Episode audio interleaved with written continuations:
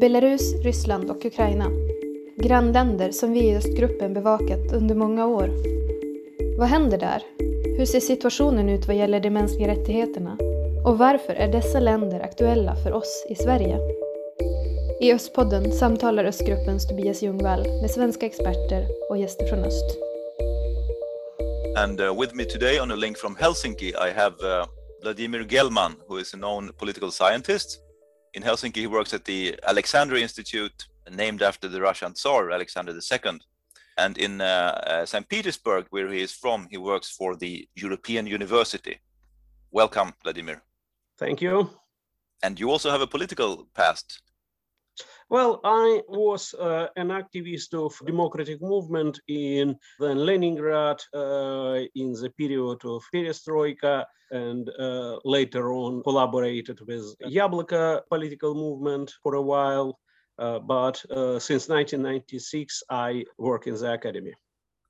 And uh, as an academician or a political scientist, you are known as um, uh, your subject is is the Russian elite, I think, and uh, your thesis is that the Russian elite is rent seeking. Could you explain to us what that means? Yeah, basically, rent seeking is a, a, broad term, but it means uh, that Russia's rulers tend to exploit uh, their powerful position and status uh, for private purposes, for self enrichment, for making uh, themselves uh, more wealthy at the expense of the country and of ordinary Russians. And uh, this is this sounds uh, understandable in general, but are there any concrete examples of this that you could tell us more about? Yeah, uh, the most recent example revealed in many details by Alexei Navalny is quite an excellent illustration. You mean the palace? Yeah, the palace, which was attributed uh, to uh, Vladimir Putin. Later on, uh, one of Putin's cronies, Arkady Rotenberg, announced that he is an owner of uh, this palace. Uh, but uh, certainly, this example of, of, outstanding luxury and secretness is quite quite a telling story of how Russia's rulers exploit uh, their power and uh, status uh, for conversion of these resources into their own wealth it's uh, not the only example, but uh, what is important that the number of people who got this information is outstandingly high as uh, the video on YouTube got more than 100,000 views. 100 million, I think. Yeah, well, 100 million. Yeah, not so. yeah. Yeah. Um, a few years ago, I read an article about you. I had forgotten about it, but I, I remembered it now when I contacted you. There is a there is a uh, more academic word for this rent seeking or or thievery uh, called neo patrimonialism. Yeah, actually, patrimonialism is a term coined more than 100 years ago uh, by uh, Max Weber. And uh, he described the situation uh, when rulers in the past governed uh, their countries as if they were their own fiefdoms.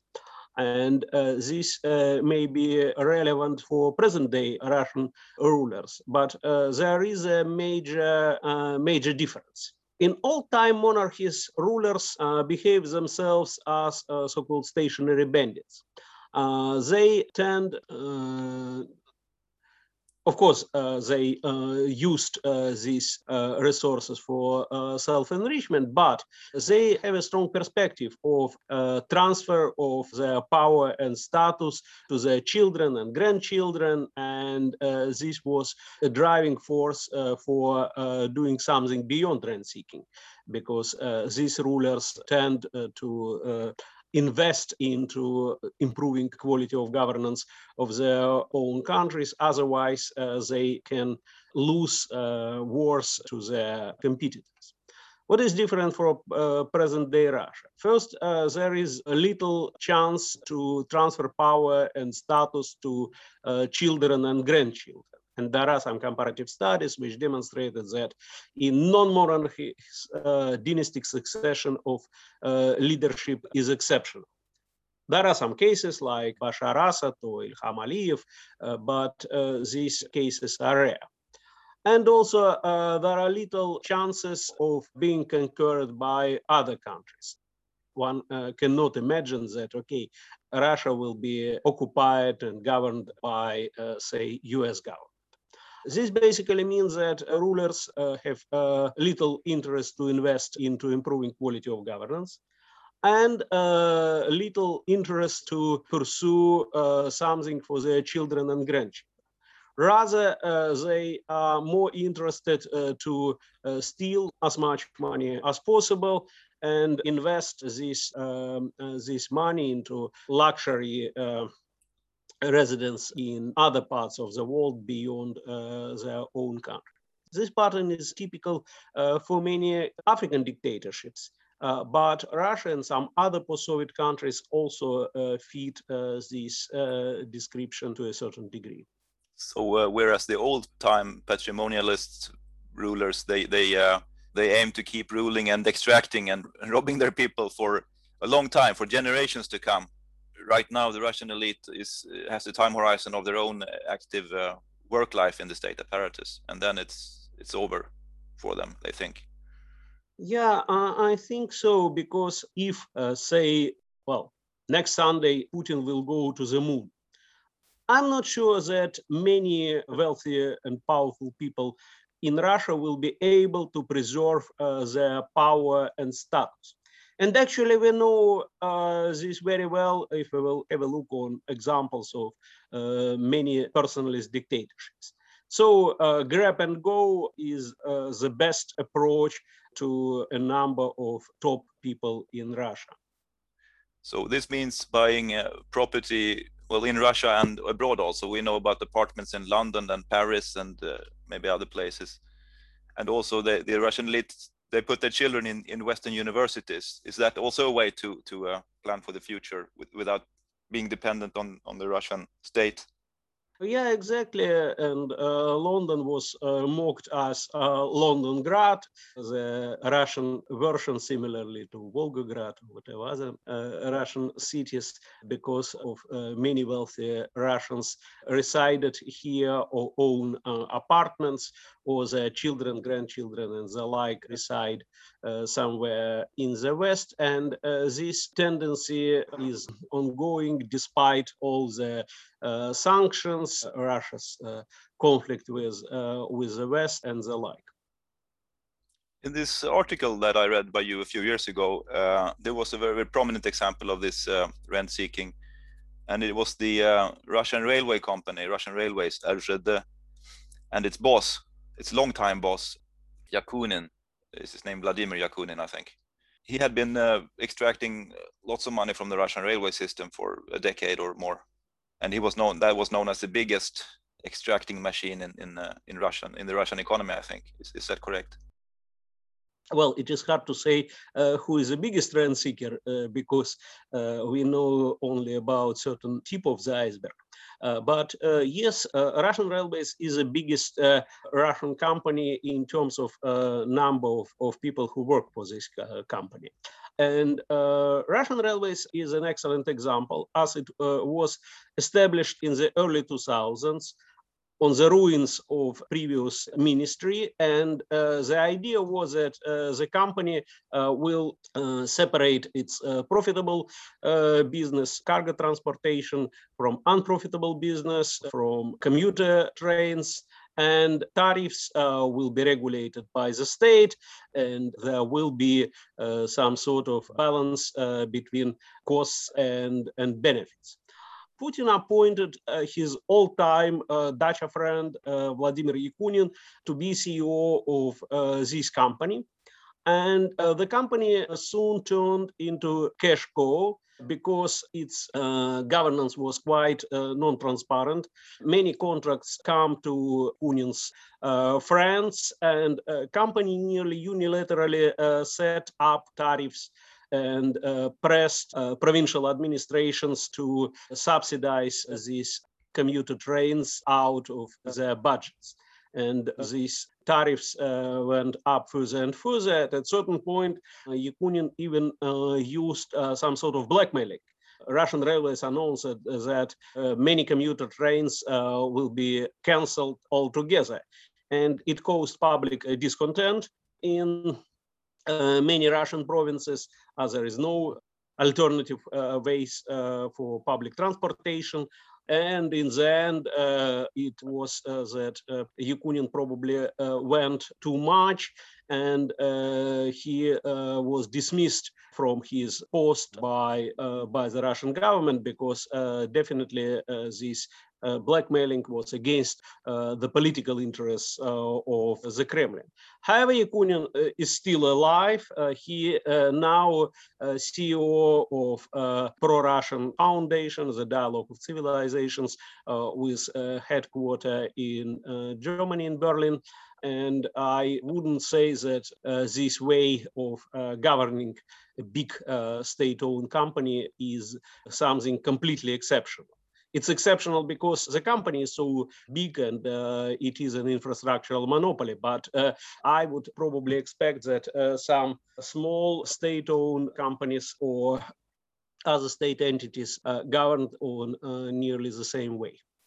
So how did this the money that they extracted from the having the taxpayers pay for the passenger traffic, how did it, this money end up in the, in their own pockets of the leaders of, of Russian railways?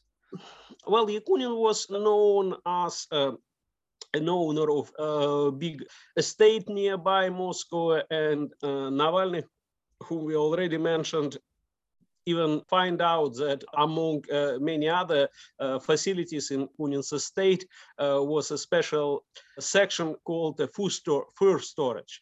Uh, Shubохранилище, uh, as uh, Yakunin had a, a, large collection of furs, uh, which, well, for a long time considered to be a, a, a material symbol of uh, wealth, uh, probably since medieval times. And actually, um, it's a quite typical way of behavior. Again, uh, Yakunin's relatives reside in the UK, uh, live in rather wealthy conditions and the like. And uh, I uh, would expect that it's also a side effect of uh, this uh, rent-seeking approach of a former CEO of Russian Railways. I remember the Navalny revelations about Yakunin's estate or palace. I, remember it as quite a big estate, maybe even comparable to Putin's at the Black Sea. I don't remember details, but I, I would not be surprised. This is the way of uh, how media, uh, many top uh, officials of state-owned companies operate. There were plenty of stories about Igor Sechin, yet another Putin's crony, who is CEO of Rosneft. Yeah, and, An oil boss. Uh, my yeah. understanding that uh, if we will have a look on a number of top officials, uh, we'll probably find out that uh, their wealth is uh, quite outstanding by global standards. There were some studies which demonstrated that Russia had a quite large number of billionaires per uh, thousands of population, and a number of these billionaires uh, got their wealth uh, not because of uh, their well talents and business and some sort of successful entrepreneurship, but rather because of very close connections with top officials of the Russian state, and uh, my understanding that uh, Yakunin is certainly not alone. What what in Russian is called blat, maybe, or is that something else? A little bit more uh, than blat. Blat usually related to exchanges of everyday life uh, of ordinary citizens. Mm -hmm. Okay, you are a dentist and I uh, am working for, say, theater, you do something uh, with my tooth, and I will offer you a couple of tickets uh, for premiere. This is blat. So blat is the everyday uh, correspondence to, for ordinary people to what the elite is doing, maybe. It's uh, very much beyond blat. It is what usually called as uh, cronyism. Mm. This means that, well, dacha friends or port friends of the leader of the country uh, got uh, very much preferential conditions for uh, their companies like in case for Rotenberg brothers, or can uh, get uh, an opportunity to enrich themselves at the expense of the state, uh, like in case of uh, Yakunin. Yeah. So it's uh, a little bit different problem and a different scope.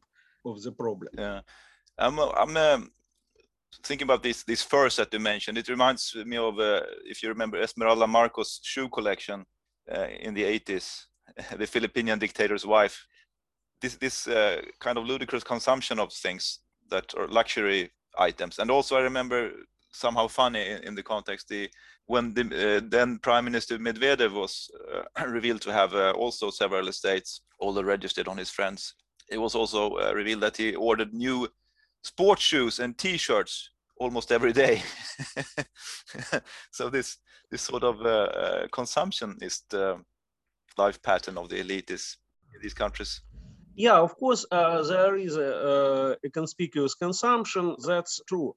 But in my view, the problem is not with conspicuous consumption as such, but rather with, well, taking all this luxury at the expense of taxpayers. Yeah. Many people who uh, watch this Navalny's video ask themselves uh, how it, it is possible that uh, the country have very much devastating medical facilities, especially in the provinces, very poor quality of public transportation, and the like.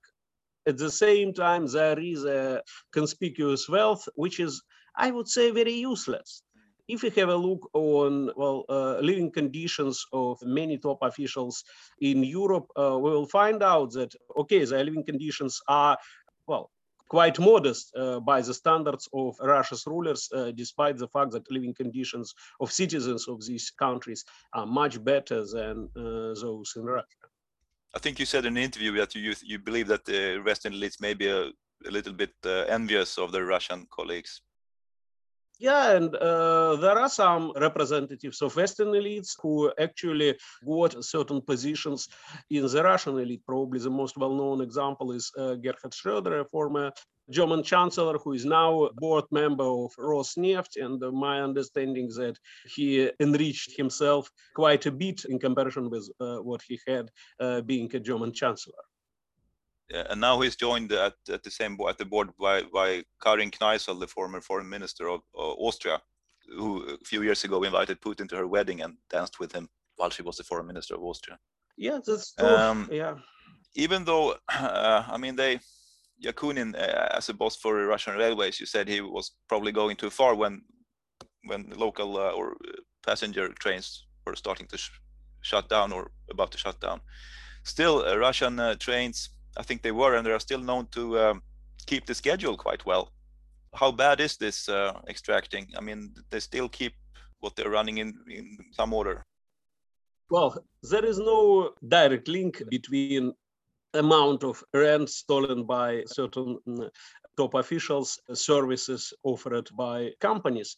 Of course, example of Russian railways is extraordinary but actually, the problem is that uh, this money is uh, lost for for development instead of well improving of conditions for communications, uh, modernizing infrastructure, and the like. Uh, this money come to pockets of top officials. And also numerous state contractors actually got very very luxury conditions for uh, the services. There is no oversight of uh, how this money designated, to what extent these expenditures are really necessary and the like. And basically it means that taxpayers' uh, money, well, not completely come in vain, but expenditures could be uh, much more reasonable. There were numerous stories about uh, Sochi Olympics. Yeah, there was a mega project funded very generously by the Russian uh, state, but at the same time, well, there was very heavy overspending of these funds, and uh, I believe that Olympics could be cheaper for Russia. Because the Olympics they were carried out and the the trains they go on time, but they're just a lot more expensive than they would have to be for for the people. I yeah, exactly. I mean, uh, not only the trains, uh, it was part of the story, but the whole infrastructure and other expenditures. Still, I think you uh, talk about in your writings about what you call pockets of efficiency, where this sort of rent extracting does not take place. So it doesn't have to be this way in Russia. People, things can actually be run without extracting rent from them. Well, political leadership clearly understood uh, that you can't run the country only because of the rent seeking. Uh, you need to provide uh, certain uh, guarantees against collapse. And this is why, in the most sensitive areas, the uh, quality of governance is much better uh, than in other spheres. Which areas? For example, the Russian Central Bank -huh is uh, known as an institution which perform uh, reasonably well. They targeting inflation, they oversight banking sector, preventing uh, certain crises and uh, collapses. They maintain balance currency reserves and the like. And if we have a look uh, on top officials in the central bank, in the Ministry of Finance, uh, in the Ministry of Economic Development, and so on and so forth, uh, you will easily recognize that these sensitive areas run by professionals who have no reputation of notorious uh, rent seeking and who demonstrated rather uh, decent performance in uh, their respective fields. Why it is so? Because Putin and people around him uh, clearly understand that it would be dangerous for the country if uh, the state of public finance, uh, monetary and fiscal policy will be uh, conducted very badly. This is one of the reasons why these pockets of efficiency emerged. Yet another reason that rulers have uh, some uh, genuine interest in some sort of achievements, for whatever reason. It may be a propagandist reason. Uh, it may be a reason of increasing international influence. It may be a matter of, of proud and the like. Just recent example, Sputnik V, yeah. which was developed and elaborated in a, a very short time frame. It demonstrated effectiveness what we know uh, by now, and there is no uh, grounds uh, to to consider uh, that Sputnik is worse than AstraZeneca or Pfizer or whatever other vaccine.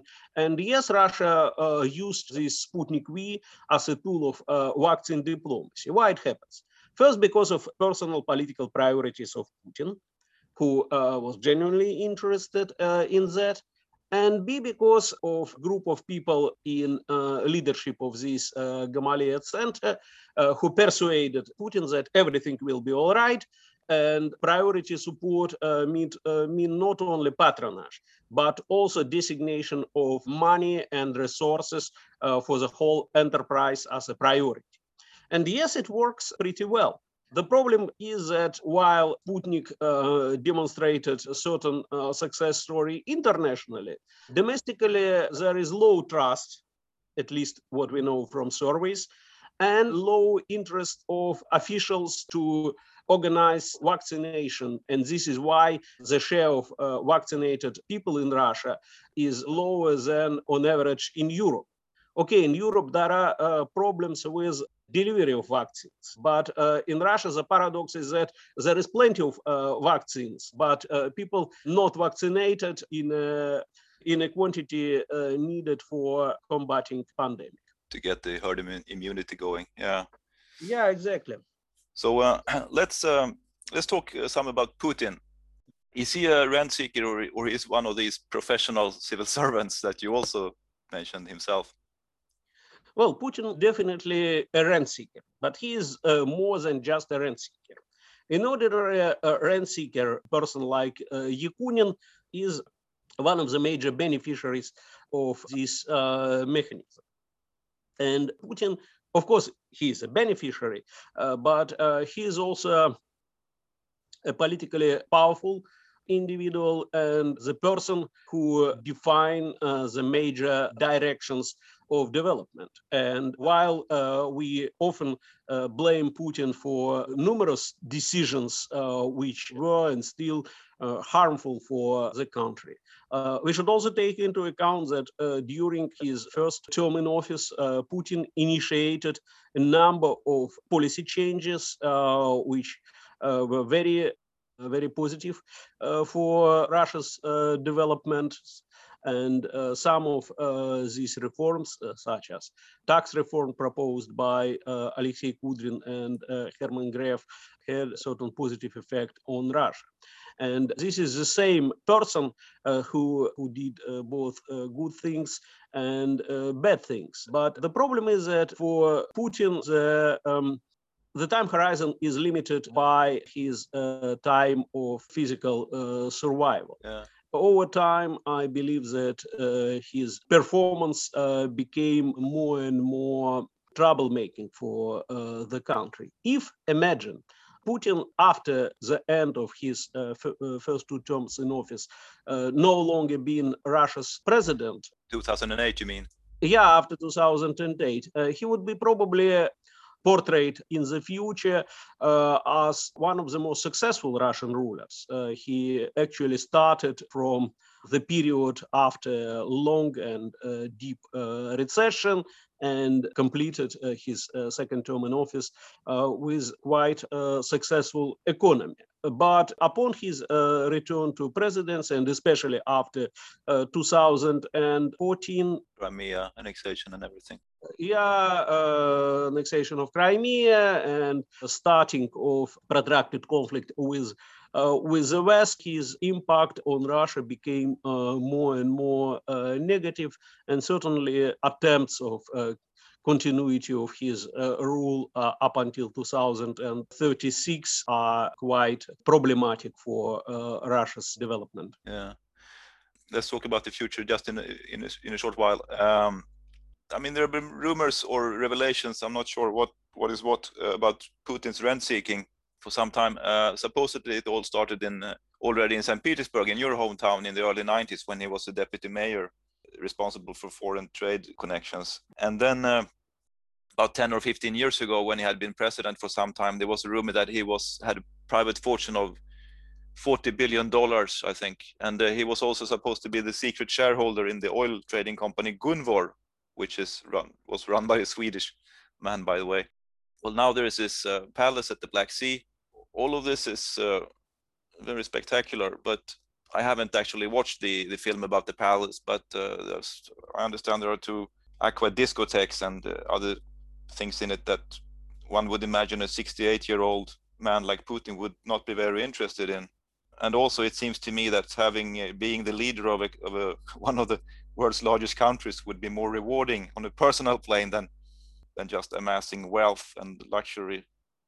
It's hard to imagine Putin as an ordinary rent seeker. He's, as, as you said, he must be something more. Well, of course, uh, uh, this wealth uh, went beyond uh, any needs, and there are plenty of examples of absolutely unnecessary uh, luxury, like what was demonstrated in Navalny's uh, video in my view, of course, this mode of conspicuous consumption is quite typical for many dictators. More recently, there was a similar movie about Alexander Lukashenko in Belarus, who is less wealthy than uh, Putin, but uh, patterns of consumption are more or less the same. Yeah, it just came out the other day. I haven't watched that either yet, but yeah, yeah it was released uh, yesterday. If you have a look on uh, the recent past of uh, some dictators in sub-Saharan Africa, like Mobutu in Congo, uh, Zaire. We will find uh, similar examples, uh, well, Bokassa in Central African Republic, uh, and the like. This is a sort of strange combination of conspicuous consumption, status demonstration, and also a sort of drive for luxury of those who uh, grew up not in so wealthy conditions. Uh, yeah, Putin uh, grew up in communal apartment with uh, several families uh, sharing toilets and kitchens. And uh, I uh, know this pretty well because I grew up in nearly the same condition, even uh, 15 minutes walk from the location where Putin grew up weird combination. But again, uh, the problem is not with Putin and his luxury as such. The problem is that all of this taken out of uh, pockets of taxpayers and devastating conditions of public health facilities is uh, just uh, the other side of, of the coin. Certainly, reconstruction of hospitals is much more urgent uh, problem for the country than aqua discotheque uh, in Putin's palace. Yeah. Um, I just remember now that when we were talking about this, we, we shouldn't talk too much about Putin's psychology because it's speculative, of course, and we don't really know, and it's uh, there are other things to talk about. But um, Masha Gessen wrote a book about um, the Russian American journalist about Putin some ten years ago, uh, where she found a, a, Greek word. I don't remember it right now. I have never seen it in anywhere else actually, but uh, describing his personality, and it basically means that he has a bottomless appetite for everything. That's true, but please note that it's something outstanding okay, many people who made successful political careers in democracies, also not from wealthy upper class or prosperous middle class, uh, nevertheless, they not demonstrate uh, some similar patterns of development because they faced uh, with numerous political constraints through public opinion, through media, through competition of political parties, and uh, the like. The problem with Putin is that uh, he face little, if any, constraints for such a behavior. Yeah, uh, we already mentioned Navalny and his revelations. Of course, we all know also now that the the um, it seems that the Russian state, or it seems established that the Russian state uh, tried to to poison him, to murder him in August last year, and now he's in prison after he returned from from his care in and rest in Germany. Uh, there have been protests fairly big protests, probably not the biggest protest in, in recent years, but still fairly big and widespread at least. The public opinion to these protests is uh, probably not what Navalny and others would have hoped for. Uh, according to uh, the Levada Institute, uh, more people are negative towards these protests than positive. There are also uh, elections coming up for the State Duma in uh, September, I think. And your old political comrade, I suppose, Yavlinsky wrote a critical article some time ago that these street protests will not change Russia. People need to uh, involve themselves in the in the political elections and try to get into the system. I, understand and change it from within. Uh, what do you think about all this? What, what are the possibilities for change in Russia? I would say that these two approaches are not uh, mutually exclusive. Rather, they are complementary. Certainly, there is no way to change the political system without the pressure from outside. And this is why uh, street protests are important. Of course, the scope of mass mobilization is not enough for making a difference. But if we have a look on dynamics, uh, these protests are um, the biggest ones since uh, 2011 when it was caused by results of state Duma elections uh, there. Yeah. Mm-hmm. So these protests pop up quite quite visibly and went well beyond Moscow and St. Petersburg to uh, many provincial cities and even towns. So I would not underestimate the impact of protests. Yeah. However, the role of elections uh, is important and even thought there are little chances uh, that opposition candidates will be allowed to run for State Duma elections. However, the rise of uh, negative attitudes toward the Kremlin, toward major pro-government party, United Russia, gave certain chances for the opposition and uh, this is exactly what Navalny promoted the idea of so called smart voting, yeah. when voters are encouraged to vote for other candidates uh, than United Russia, and first and foremost for those candidates who have stronger chances to beat uh, United Russia candidates. Basically, it means that uh, the major beneficiaries of uh, this uh, smart voting are so-called loyalist parties. Yeah, Zhirinovsky's party and the communist maybe. Yeah, communist party or liberal democratic party. And uh, this is uh, certainly not a good news for uh, those who, who would like to see Navalny folks in uh, the parliament. However, the choice is quite limited you can either uh, go to United Russia or go to someone else other, other than United Russia, even though probably uh, these parties are not very much favorable for protesters. Uh, but there were some examples of this smart voting. and the experience of subnational elections in 2019 and in 2020 uh, demonstrated that this strategy works. It not works elsewhere, uh, but at least uh, in big cities with presence of other candidates, it works. Yeah it basically means that even if candidates come from communist party or liberal democrats or from somewhere else but they uh, feel themselves accountable to their voters and they understood that without this uh, smart voting uh, their chances will would be probably probably less uh, so this can not completely change the picture but at least challenge the monopoly of united russia so i wouldn't uh, say that elections doesn't matter. They do matter. Anything that mobilizes uh, voters to go and vote, uh, and I mean, given that their votes are counted properly, uh, I mean that will make a difference in the way that the elected politicians will actually be elected by the voters and not by um, the apparatus or the people who the parties or the Gulf state apparatus. Yeah, exactly. And actually, it was an experience of 2019 elections to Moscow uh, City Duma there was a number of newly elected deputies uh, from the Communist Party and from Yabloko, and uh, they're quite active. And uh, during uh, this wave of protests, they sided together with protesters, even thought uh, party leadership may be, may be critical against these protests this should be easier to do in local elections because uh, the turnout is usually very low, about 20%, I think, in local elections at, for the national elections, uh, parliamentary elections coming up, it's difficult because then I guess I don't know, maybe 40 or 50 percent usually go vote.